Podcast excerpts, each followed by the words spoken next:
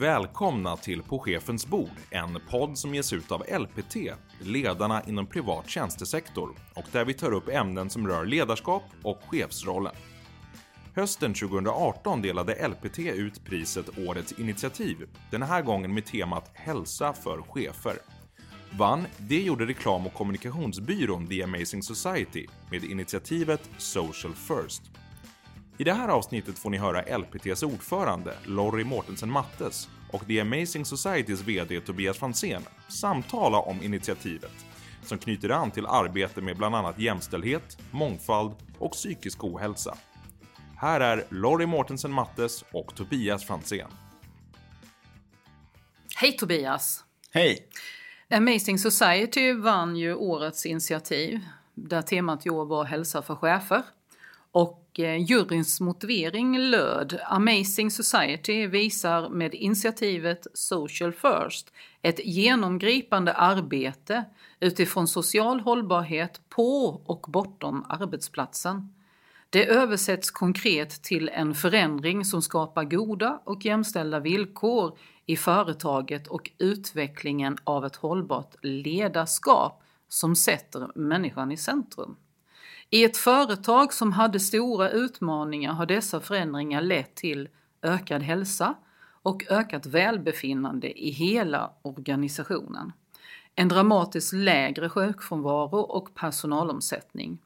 Social First är ett initiativ som bryter ny mark genom att sätta det mänskliga välbefinnandet samt goda och jämställda villkor i första rummet i den historiskt sett tuffa reklambranschen. Ja du Tobias, vad tänker du när du hör det här? Du jobbar ju som VD i reklambranschen, som är en tuff bransch.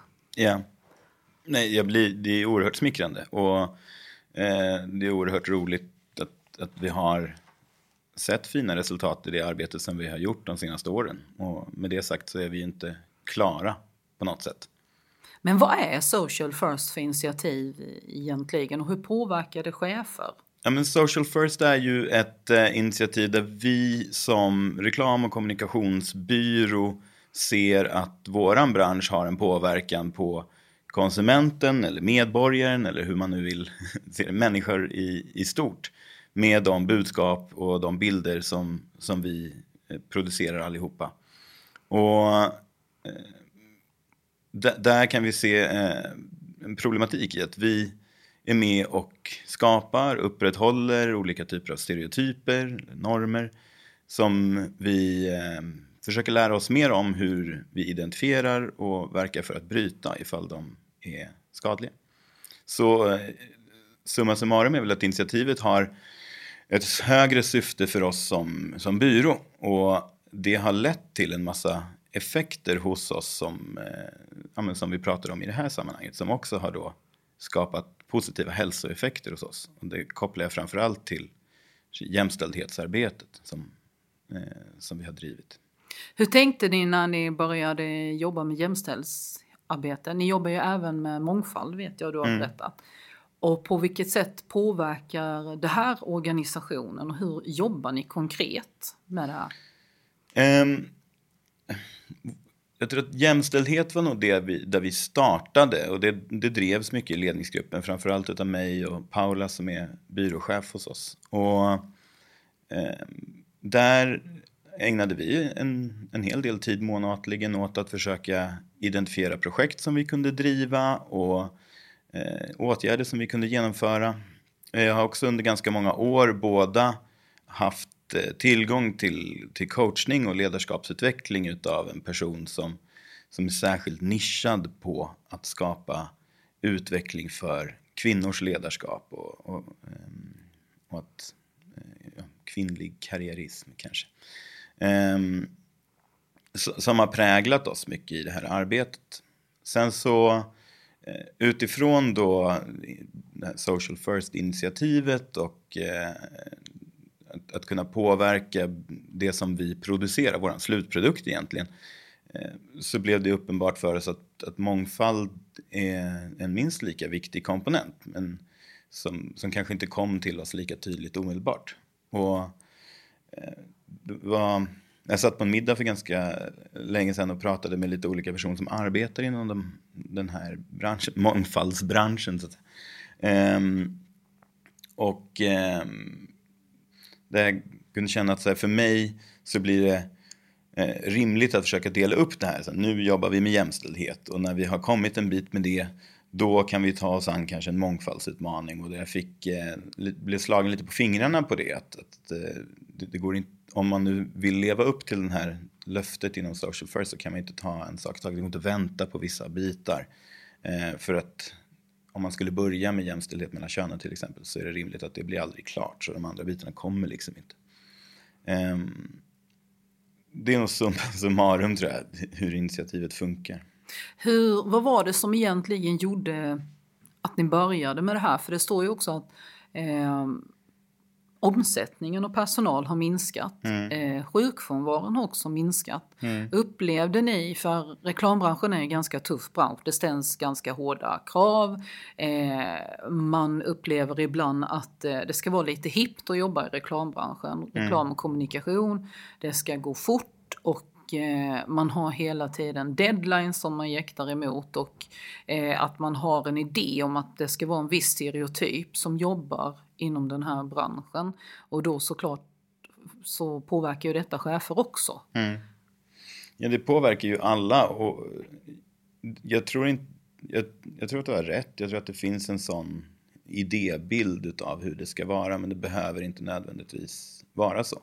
Och jag tycker att jag kan se lite olika experiment eller initiativ runt omkring. Man kan läsa om byråer som provar ut att ha sex timmars arbetsdagar eller som provar ut att ha mer fritt varifrån man arbetar och så vidare. Och eh, det ligger nog i linje med arbetslivet överhuvudtaget. Börja titta på nya sätt, nya strukturer. Arbetsmiljöverket kom ju i september eh, med en rapport som handlar om att man glömmer cheferna. Mm. Eh, framförallt så glömmer man ju cheferna i skyddsronden. Oftast är det ju så att när det gäller arbetsmiljö och hälsa och eh, skyddsronder och så som man har så ska man hela tiden titta på medarbetarna och sen glömmer man att chefen är ju dessutom en medarbetare. Eh, man är ju en eh, i teamet, eh, om inget annat så är man en i chefsteamet. Yeah. Hur ser du på ert initiativ? Känner du att ni har fått uppmärksamhet nu, dels med årets initiativ men just att ni är ju ganska modiga som vågar prata om de här i en, den här branschen. Mm. Och eh, jag tror också att ni ligger lite steget före många reklam och kommunikationsbyråer till att bli en attraktiv eh, arbetsgivare. För jag tror att de yngre kommer att ställa andra krav framöver än generationerna före. Yeah. Både när det gäller chefer och eh, medarbetare. Men det, det, tror jag att du har rätt i och det, det, känner jag att, eller det upplever jag att vi kan se. Att, att eh, vårt rekryteringsarbete har eh, fått mycket hjälp utav det här. Kännedomen om det här initiativet börjar växa och om man eh, funderar på att söka jobb hos oss och gör lite research så är det inte omöjligt att hitta information om det här. Och, och, och, det är många som kommer på intervjuer till oss och säger att de här sakerna har varit intressanta och viktiga. Men eh, jag tror att eh, vi oavsiktligen nästan tack vare det här initiativet har, har skapat en verktygslåda för, för chefer som har underlättat en smula. Och det, det, det har framförallt varit effektfullt hos, hos oss att, eh, att jobba med jämställdhetsfrågor för det har påverkat eh, organisationen positivt. Samtidigt tror jag att det är väldigt viktigt att prata om det på eh, ett sätt där vi är tydliga med att vi inte på något sätt sitter på facit. Ehm, det är nästan mer som att vi försöker prata som i ett sånt här samtal ehm, försöka berätta ganska naket vad vi gör och vad som är utmaningar och vad som har varit saker vi tycker fungerar. Någon annan kanske blir inspirerad av det och det är jätteroligt men det är nästan terapeutiskt. Och eh, det blir också så att då blir jag kontaktad av människor eller det är väl lätt för mig att kontakta andra människor som jag tycker gör någonting väldigt bra för att vi ska kunna lära oss mer saker och för att göra studiebesök eller vad man nu vill. Ehm, just nu så grubblar vi ganska mycket kring, och de här frågorna har vi inte börjat ta tag i än, men frågor kring psykisk ohälsa, framförallt relaterat till eh, teknologi och, och, sociala medier egentligen, som är lite grann av våran, våran specialitet. Att eh, det börjar bli tydligt för mig att vi nästan allihopa har blivit fysiskt beroende utav vår teknologi, utav sociala medier på ett sätt som liknar beroende utav substans, alltså alkohol, eller tobak eller spel. Och att eh, det är så pass okänt, eh, men, men vad det verkar för mig, ha en stor påverkan på människors psykiska välbefinnande och att det kommer, tror jag, när vi rör oss framåt, vara en kritisk faktor eh, för att ha en hållbar organisation och eh, företagets möjlighet att tillgängliggöra verktyg eller hjälpa sin organisation att, eh, att hantera de här frågorna. Och då, då blir ju cheferna en, en särskilt viktig funktion i, i det. Dels för att de behöver klara av det här själva personligen. Men också för att de behöver förstå problematiken för att kunna hjälpa sina medarbetare, människorna man leder. Och där är ju en digital stress, eh, håller jag med dig, mm. och eh, mer och mer pratar man ju om att datorer kommer ta över och eh, man pratar väldigt mycket AI. Mm. Och då är det ju också hur mycket man kommer använda det. Jag kan ta ett eget exempel. Jag märker ju när jag sitter på olika styrelsemöten eller jag sitter på en del möten överhuvudtaget där man använder eh, iPads och eh, telefoner. Mm. Där du när du går ut från mötet sen eh, pratar med människor som inte faktiskt inte har varit närvarande mentalt mm. fast att de har varit där fysiskt. För att de har suttit med sin telefon eh, och iPads mm. och har missat hela mötet egentligen. Mm. Jämfört när man inte hade tekniska eh, hjälpmedel i ett rum. Yeah. Så jag håller med dig. Jag tror också att det kommer bli en stress och eh, psykisk ohälsa. Mm. behöver man ju prata mer om. Vad är det som gör idag, eh, Sverige är ändå ett bra land att leva i, ändå märker vi att fler och fler är sjuka på grund av eh, psykisk ohälsa. Yeah. Men man kanske inte pratar om det så mycket. Jag tänker ju också att psykisk ohälsa även drabbar ju chefer när man inte har Precis, har man inte verktyg och inte vet hur man ska göra. Jag tänker också förra, var det 2017 då när den här metoo-rörelsen kom. Mm. Eh, det är många som tycker att den gjorde ju, gjorde ju skillnad och att man pratar om kvinnor och män på ett annat vis. Mm. Själv tror jag att man behöver jobba med den mycket, mycket mer. Eh, det är lätt då att saker och ting blir hypade och sen glömmer man.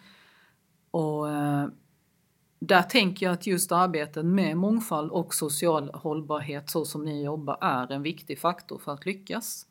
För då blir det naturligt att prata om eh, att kvinnor till exempel tar plats i en styrelserummet. att oavsett var du kommer ifrån så ska inte det spela någon roll utan det är vad du kan. Mm. Eh, vi har ju en del nyanlända, vi har olika nationaliteter där vi kanske inte tänker på mångfald på det sättet.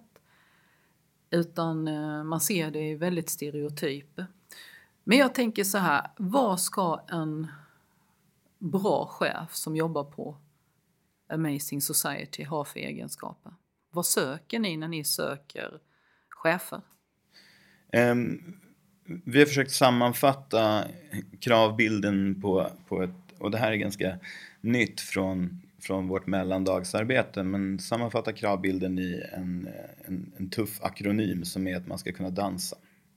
Eh, så vad vi söker det är någon som är en doer och någon som är ambitiös och de skulle ju kunna ses som samma sak men vi vill se distinktionen då kring att ambitionen behöver vara hög, man behöver vilja skapa och utveckla saker men samtidigt så behöver man inte vara rädd för att få skit under naglarna och förstå att vi fortfarande är ett förhållandevis litet företag som växer mycket vilket innebär att en dag kan präglas av att du behöver vara allting från vaktmästare till marknadschef.